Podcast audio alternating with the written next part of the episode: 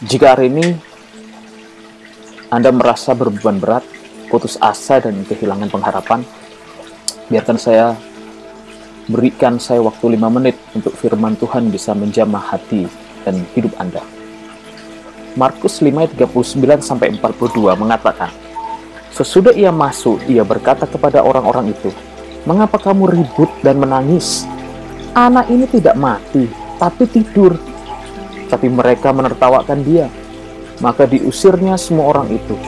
Lalu dibawanya ayah dan ibu anak itu dan mereka yang bersama-sama dengan dia masuk ke kamar anak itu. Lalu dipegangnya tangan anak itu, katanya, talitakum. Talitakum. Yang berarti, hai anak, aku berkata kepadamu bangunlah. Seketika itu juga anak itu bangkit berdiri dan berjalan sebab umurnya sudah 12 tahun. Semua orang yang hadir sangat takjub. Anda tahu bahwa Tuhan tidak pernah meninggalkan anak-anak yang dikasihnya sendirian. Mati atau meninggal sering kali kita dengar hari-hari belakangan ini. COVID itu merebak di mana-mana.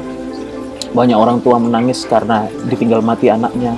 Demikian juga sebaliknya banyak Anak-anak menangis karena tinggal mati oleh orang tuanya. Keadaan begitu mencekam dan menakutkan. Tapi saya katakan hari ini seperti firman Tuhan katakan, talitakum. Talitakum. Bangunlah. Hai anak, bangunlah. Jangan terpuruk dengan keadaan Anda. Saya tahu perasaan Anda, saya pun mengalaminya. Tapi mari bangkit Bukankah Allah kita yang kita sembah adalah Allah yang setia? Bukankah beliau adalah Jehovah Rafa, Allah penyembuh? Bukankah dia juga Jehovah Jireh, Allah yang menyediakan? Dia Allah yang perkasa, El Gibor. Dia Allah yang menyucikan, Jehovah maka Makadiset. Kalau dia berkata kepada anak perempuan itu, talitakum, maka terjadilah sesuai dengan perkataannya. Firman Tuhan berkata pada hari ini kepada saudara dan saya, talitakum, bangunlah, talitakum, bangunlah. Bayangkan kalau Anda hari ini tidak bisa bangkit. Bayangkan kalau Anda hari ini tidak bisa lepas dan menyerah kepada keperdosaan kita.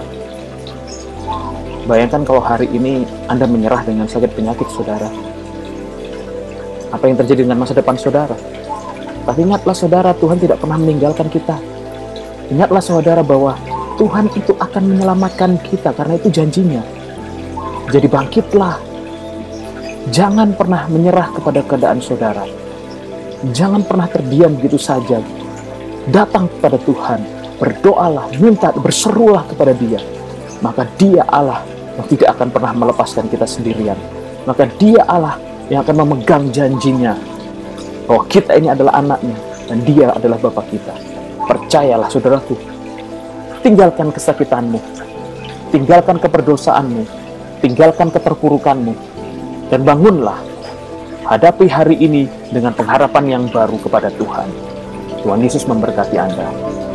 Talitaku, talitaku.